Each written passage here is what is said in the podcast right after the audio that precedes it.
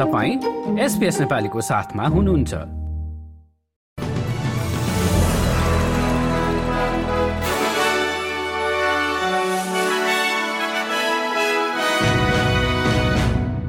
नमस्कार। आज बुधबार एक नोभेम्बर दुई हजार तेइस। अब पालो भएको छ एसबीएस नेपालीमा। आजका प्रमुख अस्ट्रेलियन समाचारहरू सुन्ने। प्रसङ्ग सुरु गरौं दादको नयाँ खोपबाट। आज बुधबार एक नोभेम्बर अस्ट्रेलियनहरू र शरीरको प्रतिरोधात्मक शक्ति कम भएका व्यक्तिहरूको लागि सिङ्गल्स अर्थात् दाँतको खोप निशुल्क उपलब्ध हुनेछ। सिङ्गल्सबाट बच्न प्रयोग गरिँदै आएको जोस्टा भ्याक्सको ठाउँमा नयाँ खोप सिङ्ग्रिक्स सुरु गरिएको हो।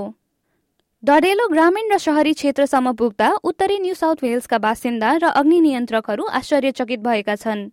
निश्चित रूपमा कति क्षति भएको थाहा नभए पनि दमकल टोलीहरूले मौसम सुध्रिँदै जाँदा अवस्था सहज हुने आशा गरेका छन्।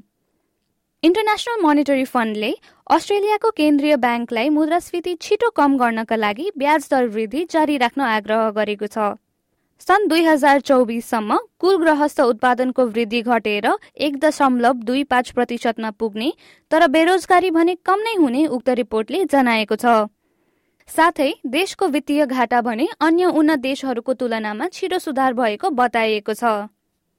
जबलियाको शरणार्थी शिविरमा भएको इजरायली हवाई आक्रमणमा कम्तीमा पचासजनाको मृत्यु हुनका साथै अन्य धेरै घाइते भएपछि बाँकी मानिसहरूको खोजी सुरु गरिएको छ। इजरायली सेनाले आक्रमणको जिम्मेवारी लिँदै उनीहरूले निशाना लगाएको हमासका कमान्डर इब्राहिम बियारी लगायत धेरै लडाकु मारिएका पुष्टि गरेका छन्। मानव कल्याणको क्षेत्रमा काम गर्ने समूहहरूले उक्त हमलाको निन्दा गरेको छ। खेलकुदमा फुटबललाई जोड्दै Melbourne City A League men सिजनमा प्रशिक्षक राडो विरोसिचलाई दुई खेलपछि बर्खास्त गर्दै उनको स्थानमा अरेलियो विडमारलाई केयरटेकरको रूपमा नियुक्त गरेको छ। विदोसिचले लिगका पहिलो दुई खेल गुमाएका थिए र उनका टोलीले एडलेड युनाइटेड विरुद्ध छ शून्यको अङ्कका साथ हारेको थियो। हस्त एसपीएस नेपालीबाट आजको प्रमुख समाचार यति नै। सुरक्षित रहनुहोस् नमस्ते।